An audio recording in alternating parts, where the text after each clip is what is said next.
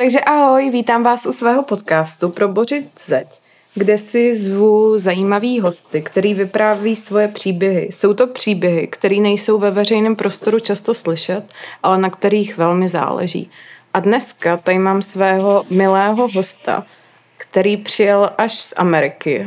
Na dva týdny v Česku eh, je Claire, která se na mě udělala čas a na to, aby s náma nahrála tenhle podcast. Claire, ahoj. Dobrý večer. Nahráváme to večer. Mm-hmm. Máme tady kočky, tak snad tentokrát eh, nebudou slyšet a nechají nás nahrávat. Claire je hrozně zajímavá super holka, která se potýká s hodně uh, zma ve svém životě. Mm-hmm. Uh, zmíním, čeho se dneska dotknem, bude to hraniční porocha, anorexie, bulimie, vyrůstání v křesťanském domově, uh, v křesťanské domácnosti, odloučení se od uh, církve a potom najítí si možná zase nějaké svojí cesty k Bohu. Uh, takže tady to je, o čem se budeme dneska povídat a, a jdem rovnou na to. Takže Claire, uh, to, jo, jo. ty se z mě před nahráváním svěřila, že ve čtyř letech jste se přestěhovali z Ameriky do Česka. Mm-hmm. Pamatuješ si, uh, jak ti tady to rodiče řekli a jaký to pro tebe bylo? Já si přímo nepamatuju, jak to řekli. Pamatuju si, že uh, jeden den jsem byla v Americe, v mém krásném baráčku s babičkou a byl tam les za naším barákem a najednou jsme někde jinde, úplně v jiném světě. Všechno je uh, šedivý a, panelákovitý. Víš co, bylo to, uh, byl to šok pro čtyřletého dítěte. A v tu dobu jsem neměla úplně um, appreciation pro Prahu jako takovou. Prostě jsem věděla, že jsem nebyla doma s babičkou. Taky to byla Praha na mhm. konci mm-hmm. 90. let. 99. Mm-hmm. A tvoji rodiče teda, uh, víš, proč se rozhodli přestěhovat se zrovna do Česka? Mm-hmm. Moje rodiče jsou jsou nábožní lidé a um, táta vždycky měl ve svém srdce, že by chtěl rozšířit boží slovo a Česká republika je jedna z nejateičtějších zemí uh, na celém světě, jakoby. Takže 1999 se naše rodina, uh, my tři děti, uh, maminka, jsme odletěli a přistáli jsme tady v Praze. Mm-hmm. Mm-hmm. A jak si to pamatuješ? Eh, je tvoje vzpomínka ta nějaký šedý budovy? Je tohle tvoje první vzpomínka na Prahu? Je, protože jsme přistáli prostě na Petřinách v té době. Nebyly takový barevný paneláky, že jo, tak všechno bylo hnědý a šedý. Mm, mm. a rozkoukala jsem se a nevěděla jsem prostě na jakém světě jsem a všichni mluvili divnou řečí, rozuměla jsem ani slovo. No, tak to bylo, byl to šok a bylo to hodně těžké ze začátku. Ze začátku. S tím, že tvoje rodiče ta taky česky nemluvili? Nemluvili vůbec a když jsme se chtěli přihlásit do školky, mě přihlásit do školky, tak jsme chodili s cedulkou Máte místo ve vaší školce? Co nám napsala uh, nějaká známá, že jo? Tak jsme chodili po školkách a konečně ně, v nějaké školce bylo místo, tak jsem tam začala chodit. Mm-hmm. Mm-hmm. A jaký to bylo učit se češtinu? Hele, já jsem byla tak unavená. Každý den jsem usínala v polívce. Já to, já to vysvětlím, já to vysvětlím, že při obědě jsem byla tak unavená z toho, že mi mozek fungoval a učil se nový slovíčka, že jsem spadla hlavou první do polévky u oběda a maminka mě vyzvedla a měla jsem polévku uh, po oblečení. No, takže to bylo unavující. Hodně. A potom přišel přechod na základní školu. Hmm asi do dvou let, co jsem byla, v Česku jsem měla docela jako použitelnou češtinu, že jsem jako rozuměla hodně a, a nějak jsem to zvládala. No, ale bylo to těžké na té základce, uh, kvůli tomu, že jsem nebyla Češka a byla jsem křesťanka.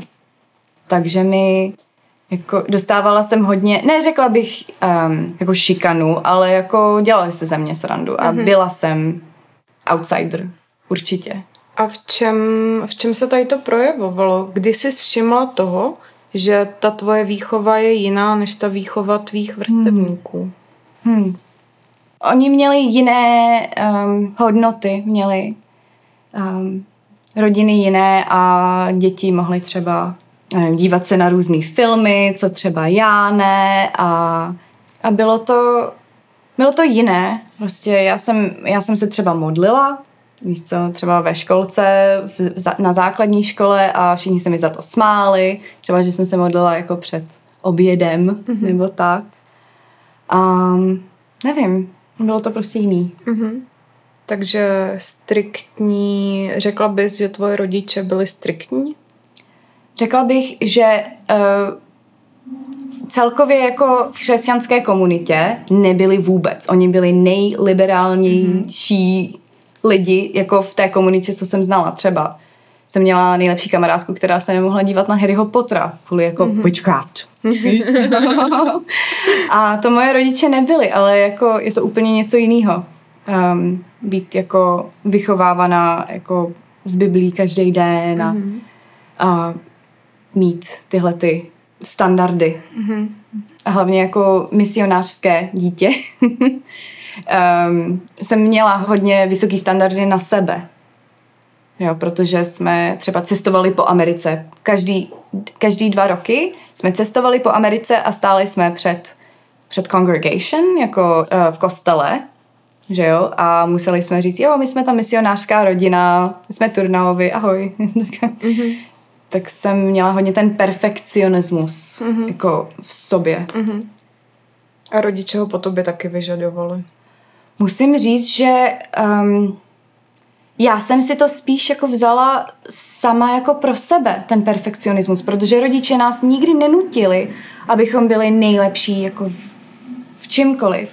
Můj táta třeba má ADHD, takže on ve škole nikdy, nebo aspoň na základce, ne, jako neměl dobrý známky, takže po nás třeba nikdy nevyžadoval, aby jsme měli nejlepší známky. A toho si já vážím hodně.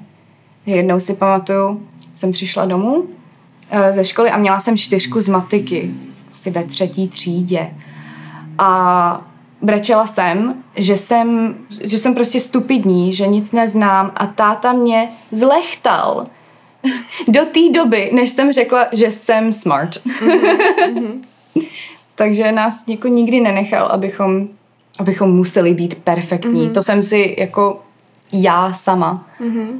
um, jsem měla ty představy o tom. Mm-hmm. Mm. A co byly ty hodnoty, které se u vás doma jako prosazovaly? Mm-hmm. Nebo respektive ještě kdy si ty s nima začala přicházet do konfliktu. Mm-hmm. Třeba mezi tím, co tvoji rodiče chtěli a co by si chtěla dělat ty. Hmm. Ty hodnoty byly uh, týkající se lásky. Jakože prostě lásky plný ke každému. Prostě no judgment tam bylo. Že pro každého, ať to byl jakýkoliv člověk, tak jednat s láskou. Mně začala vadit tahle ta teologie, nebo prostě uh, okolo svých 14-15 let, když jsem uh, měla prvního přítele. Mm-hmm. A to už bylo docela na mě moc. Mm-hmm. Uh, kvůli, no, víte co. když uh, dva teenagery se mají rádi, jako co se asi stane, víš co? Asi no. ne to, co si představují jejich věřící rodiče. Přesně tak. no a my jsme měli i smlouvu. Hmm. Tvoji rodiče s tebou chtějí uzavřít smlouvu? Uzavřeli s námi smlouvu a už si nepamatuju, co všechno tam bylo, protože tam bylo asi deset věcí. Jako museli jsme být na veřejnosti Aha. společně, žádný, žádný rande, jako nikde o, sami o samotě, tohle prostě ne. A uh, žádné líbání. to, to vůbec. Si představuju tu smlouvu na papíře za prvé, žádné líbání. Ne, ale přesně, to bylo, to bylo přesně, co to bylo, no. Jo, jo, jo. Tak to je dobrý, že ten kluk jako neutek, když ho tvoji rodiče donutili podepsat fyzicky smlouvu. Jeho rodiče byli ještě striktnější než moji. Takže se na tom jako shodli, mm-hmm. naše rodiče, mm-hmm. na té smlouvě. no. A dodržela si to? ne, ne, ne, nedodržela. Asi, mm-hmm. nám to trvalo mm-hmm. asi tři týdny. A bylo pro tebe um, tady to jako téma? Hmm. Bylo ti to třeba líto, že si toho boha zklamala? Nebo už v té době hmm. Si měla rozkol vůči tady tý jako křesťanský nauce? Já jsem s tím hodně bojovala. Jakože jsem se cítila, že no, že jsem zklamala Boha, že jsem zklamala rodiče, že jsem vinná, sinner, mm-hmm. co? A, a bojovala jsem s tím roky. Mm-hmm. Bojovala jsem uh, léta s tím, že nejsem prostě perfektní. Mm-hmm. Vracíme se k tomu per- perfekcionismu, mm-hmm. ale mm-hmm. To nikdy ne, jako nedos, mm-hmm. nedocílíš, že jo. A bylo tady to období, nebo byl to třeba jeden z důvodů, kdy začaly tvoje psychické problémy? Okolo 14-15 to bylo, no. Takže okolo té doby um, jsem začala mít těžší depresi a problémy se spaním a, a tak se to nějak tak vyvíjelo až, až do té anorexie, no. To bylo moje jako první setkání s mental health issues. A co pro tebe znamenala anorexie? Byla to nějaká snaha o to být perfektní? Hmm, to jo. To, to je tady asi téma se vrací. Hmm. Být perfektní pro mě jako anorektičkou znamenalo být štíhlá. A já jsem měla takovou představu v sobě, že kdybych docílila nějakých těch x kilogramů, že bych byla perfektní. A jak to, jak to začalo? Jak tě tady to vůbec napadlo, že jako štíhlost je hmm. uh, něco, za či, o, co, o co máš usilovat, za čím hmm. máš jít? Já ani nevím, jak to přesně, jako odkud se to vzalo. Vím, že jako um, duševní zdraví má hodně um, souvislostí s genetikou. Moje babička byla taky anorektička mm-hmm. uh, ve svém mládí. Uh, vlastně obo, ob, oba babičky mm-hmm. byly, um, byly anorektičky, ale já jsem já jsem prostě chytla něco v hlavě. V té době taky ta médie byla hodně okolo, um, okolo štíhlosti. Mm-hmm. A nevím, jestli si pamatuješ třeba 2010 uh, v magazínech, prostě v mhm. časopisích, to bylo jenom o prostě kost a kůže. Hmm. Hmm. Ono to není jak teď, jakože body positivity, to neexistovalo. Takže jako hodně, hodně faktorů. A jaká byla ta cesta uh, k té anorexii? Bylo to například to, že si trochu zhubla hmm. a tvoje okolí ti dávalo najevo, že je to jako super, hmm. že vypadáš dobře?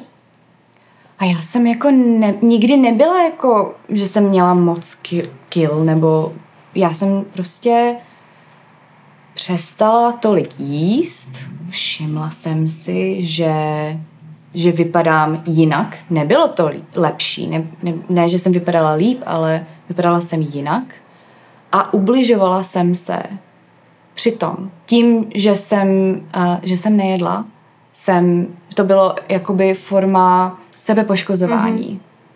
Protože moje sebevědomí bylo tak nízké, že jsem potřebovala něco. A já jsem se držela té anorexie, která se vyvinula ještě plus bulimie, tak jako najednou. A se to vyvinulo a až to bylo jako závislost. No.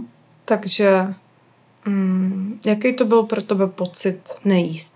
Bylo to jako mm, zadosti učinění? Nebo to byla radost toho, že můžeš kontrolovat to, že nejíš, nebo bylo to pro tebe nutnost v té době? Jak bys to popsala? Pro mě to bylo spíš o control, jako že jsem měla, měla jsem nad něčím moc. Mm-hmm. Nad něčím v mém životě jsem měla moc a to bylo to jídlo a to bylo jediné, co jsem mohla um, manipulovat. A když jsem mohla manipulovat jídlo, nebo co s ním, nebo co nesním, a taky jak se měnilo moje tělo, cítila jsem se mocně. Jakoby mm-hmm. in a twisted way, víš co? Mm-hmm. Mm. A jak to dál pokračovalo s tou anorexí? Furt si ubírala a ubírala jídlo?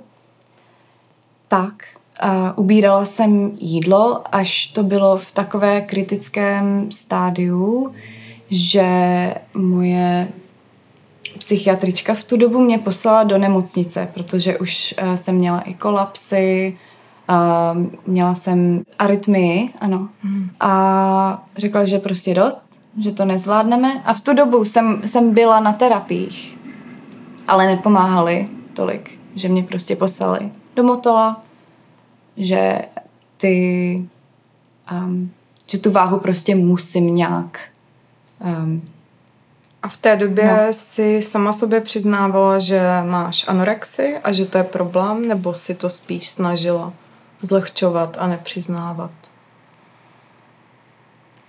Um, já jsem byla plně vědomá, že to je anorexie a že to, a že to je jako porucha příjmu potravy. A, a nějak Pardon, tohle je jako strašně starý téma pro mě, takže úplně jak si to vybavuju, že všechny tyhle ty věci se mi jako někdy v životě staly, tak je to pro mě i překvápko o tomhle to mluvit. Že prostě to, to bylo dávno a to se stalo. Prostě pardon, takže jako teď vytahuju věci mm, mm. A, a je mi to divné, že, že vůbec jsem takováhle mohla někdy být, že jsem takovýhle věci mohla myslet nebo dělat je to pro mě, jak jsem teď, je to úplně neuvěřitelné. Hmm, hmm. A co ti pomohlo? Nebo kdo? Moje rodina.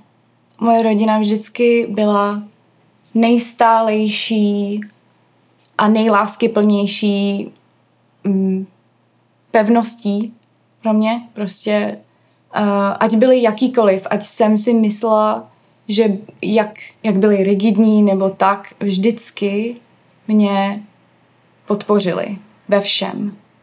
A aby mi bylo líp, prostě chodila jsem na terapie třikrát týdně, chodila jsem um, na skupinové terapie, četla jsem knížky, všechno, nutriční, doktorka, cokoliv.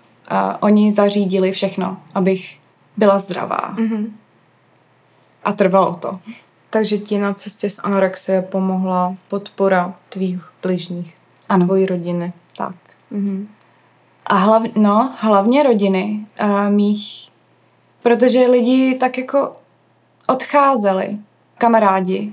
Nechtěli se mnou být v tu dobu, protože jsem byla moc needy. Já jsem v tu dobu jsem měla takovou energii a nechtěně, ale měla jsem energii, že jsem brala. Hmm. Hmm. A, a nikdo okolo toho jako nechtěl být, což chápu, jako teď, když se na to dívám. Ale rodina mě nikdy neupustila. A je tohle období, kdy se ti začaly projevovat i jiný symptomy, možná toho, co dneska bychom nazvali tou hraniční poruchou osobnosti? Ta hraniční porucha osobnosti se nedá diagnostikovat před uh, 18. letem člověka. Že ale to hraniční porucha osobnosti jako takovou vím, že jsem měla už od dětství. Jakože když si vzpomenu třeba na svých tři, čtyř, pěti let, tak jsem vždycky měla ty symptomy. Hlavně emo, emocionalita, mm-hmm. plačtivost. A nikdy se nezměním. Ty jsem si zanechala. A zkoušela si nějakou, nebo zkoušeli ti doktoři nadsadit nějakou medikaci na tohle? Jo, dost. A to se zkoušeli od od mých už 15 let, prostě nějaký antidepresiva a antipsychotika a tohle a tamto a už si ani nepamatuju, už bych ti neřekla, co to všechno bylo, protože jsem měla asi šest um, medikací, jako výměň, výměn. Mm-hmm. Bylo toho mm-hmm. moc a ne, všichni, ne všechny fungovaly a hodně i škodily. Dost. Mm-hmm. No. A mm, pomohla ti některá z těch medikací? Pomohla a jsem pořád na medikaci um, a už jsem asi 9 let. Mm-hmm. A sedí mi to a nechci to měnit. Mm-hmm. Ale to trvalo asi tři roky, než jsem si našla opravdu dobrou, dobré léky, které mi pomohly. Mm-hmm. A v téhle době dospívání, když se dostala z té anorexie, bojovalo si třeba s nějakými jinými jako démony v té hmm. době ve své hlavě. Bylo pro tebe furt téma té křesťanské církve a toho Boha? Ty jsi naznačila něco o tvým jako odloučení hmm. od, od té církve nebo od té víry jako takové. Mohla bys popsat tady ten proces? Co to pro tebe bylo? Ono to bylo delší proces uh, toho odlučování od, od církve, jo, protože jsem pořád musela chodit do církve. Jo, mm-hmm. táta pořád říkal, jako musíš tam chodit.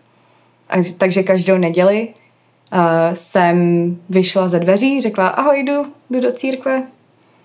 A šla jsem na Petřín. mm-hmm. Jo, jo, jo.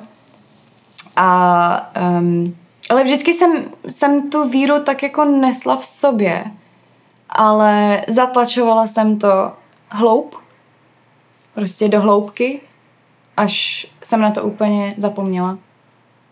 Že to mělo nějaký vliv v mém životě. Mm-hmm.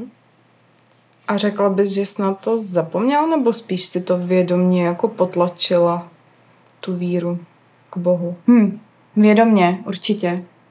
Um, vždycky Vždycky jsem věřila na Boha, ale nechtěla jsem, tak jsem přestala. Hmm. A víra k Bohu. Dneska máš na sobě uh, přívěsek s křížem.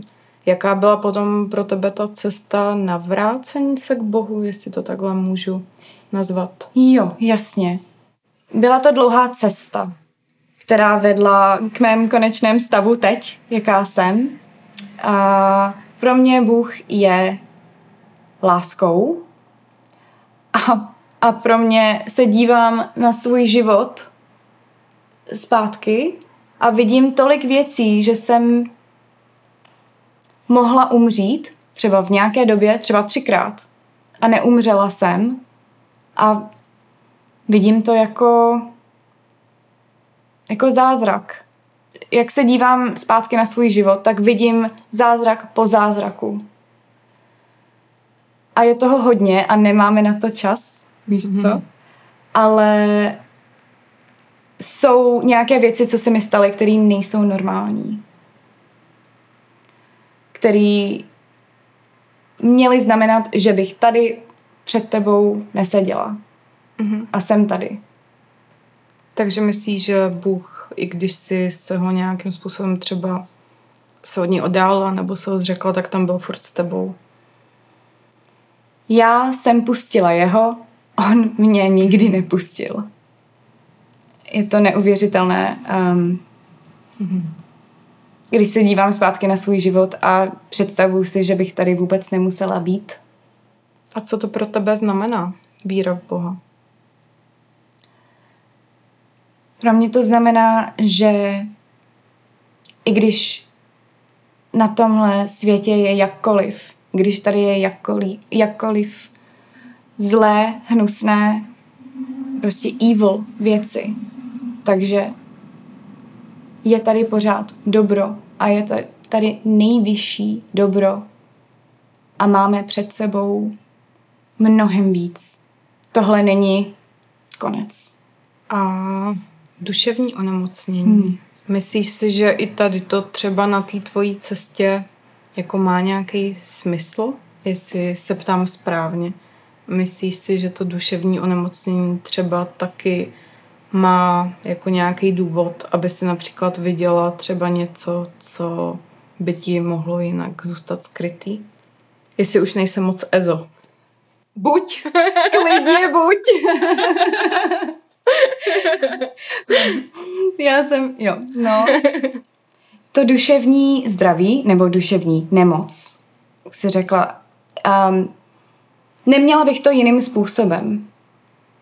Protože kdybych neměla svoji, svoje experiences, svoje duševní nemoci, nemohla bych být tak empatická vůči jiným lidem. A já mám pocit, že tyhle ty války, říkám tomu války, protože jsem si probojovala hodně, a tyhle války mi byly poslány, abych mohla být silnější a abych probořila ty zdi. Seš teda, mm, když to tak řeknu, vděčná za to, co ti jako ta nemoc ukázala? Jako vděčná. jako nejsem ráda, že jsem si musela protrpět, ale když se to stalo, tak, tak budu vděčná za to, kam mě to dostalo. Kam jsem se až posunula. Mm. Jako bylo to nemilé, samozřejmě. Nechceš prostě uh, si zažít těma těma věcma, ale, jak jsem říkala, neměnila bych to. Že bych nebyla tím člověkem, kterým jsem dnes. A jak moc si myslíš, že tě ovlivňuje hraniční porucha? Nebo dá se vůbec jako u člověka s hraniční poruchou říct, od kdy uh, jakoby za to tvoje chování, uh, kdy se projevuje ta, mm, ta choroba a kdy se projevuješ ty, nebo je to jedna a ta samá věc? Přemýšlíš o tom takhle vůbec? Přemýšlela jsem uh, kdysi dávno. Teď, teď, jak jsem teď, tak vůbec, tak já na to moc nemyslím, jako že bych byla nemocná, jako v uvozovkách. Mě to, já na to nemyslím prostě normálně, jako v každým dnem, ale vím, že jsou charakteristické věci toho hraniční poruchy osobnosti, kterou jsem vždycky měla v sobě. Mm-hmm. Jsem říkala tu emocionalitu, tu plačtivost. A to mám už od dětství. Prostě až a cítění. Um, někdy nevím, jestli to je to BPD, ta hraniční porucha osobnosti, anebo um, být em, empat. Hmm. Být an empath. Ne jako empatetická, hmm. empatická, ale děkuju. A omlouvám se moc za moji češtinu. Teď jsem byla pryč rok a půl, takže děkuju moc. Mluvíš super. děkuju moc krát. Um, no, takže to, ta hraniční je součástí mě, ale můžu odlišit sama sebe od nemoci. Mm-hmm. Jsem, jakoby jsem v remisi, můžu říct. Mm-hmm. Mm-hmm.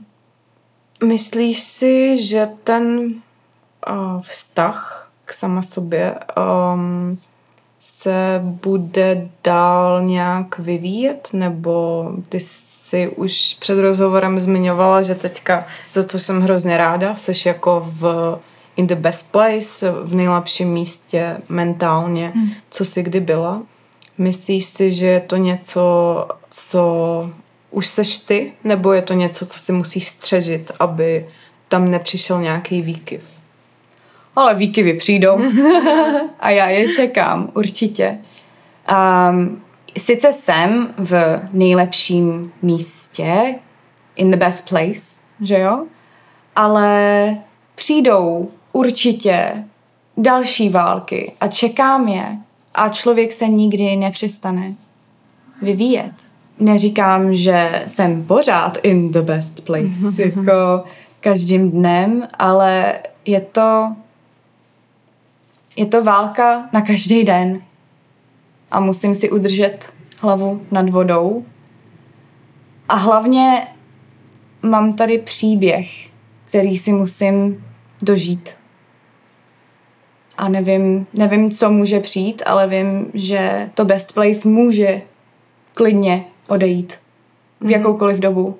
Ale protože mám tu stabilní baseline, jakoby zázemí, kde už vím, že dokážu být, tak nikdy nespadnu do těch nejhlubších Sraček. sraček. Ano, tak. Děkuju. To mi tak přišlo to slovo od někud. Přesně, přesně. A ty teďka bydlíš v Americe. Jak je to dlouho, co jsi se odstěhovala zpátky do USA z Česka? Je to nějakých rok a půl a přistěhovala jsem se do Kalifornie tři dny před lockdownem, Mhm. před zavření úplně všeho na 15 měsíců, protože my jsme neměli žádné vlny. My jsme měli jenom jednu stálou vlnu v Kalifornii. Oni neotevřeli restaurace až před měsícem Mhm. snad, no. Takže my jsme byli stále zavření. Mhm. A co tam děláš? Pracovala jsi během lockdownu? Nebo Jako nešlo? moc ne. Jako nešlo to úplně. Teď, když jsme otevřeli, tak uh, teď učím uh, malování v, uh, ve vinárně. Mhm. Mhm. Hrozně mě to baví a jsem ráda, že všechno je otevřené a normální, ale taky jsem moc ráda, že jsem tady teď v Praze. Ty jsi studovala, eh, ty jsi studovala umění, koukala jsem na tvůj Instagram, že krásně maluješ. Eh, Děkuji. Co pro tebe znamená to malování? Co u toho cítíš? Malování není pro mě jenom estetikou, jako věc estetická, a ani technická. Já maluju spíš svýma emocema. Že vím, když se vrátíme do těch sraček, který, o kterým jsme si povídali, jedna z věcí, která mě udržovala při tom nejhorším, bylo to, že jsem malovala. A to bylo to, že jsem že jsem tvořila a že ty věci, co jsem měla v hlavě, jsem měla na papíře a mohla jsem vidět, prohlížet a procesovat. Mhm. Um, ty, ty hodně tmavý, just the dark shit. Víš co? Takže malování uh, je pro mě radostí, ale i záchranou. Mhm. Tak to je krásný, že to teďka můžeš předávat dál. Tak, tak. Takže, moc děkuji. Uh, Mně se líbilo, jak jsi hovořila o tom, že i když um, teďka člověk je v nějakém místě, vždycky přijdou nějaký um, jako ty další zdi, který budeme muset probořit ve svém životě. A já ti přeju, nebudu ti přát, aby žádný nebyl, protože potom to není život, ale přeju ti, No. aby si je prostě prorazila levou zadní a aby si byla šťastná a úžasná, jako jsi teďka. Moc děkuji za to, že jsi s náma dneska mluvila, že jsi tady Děkuju. svěřila svůj příběh, Claire. Moc děkuji a ahoj. Já děkuji tobě. Ahoj.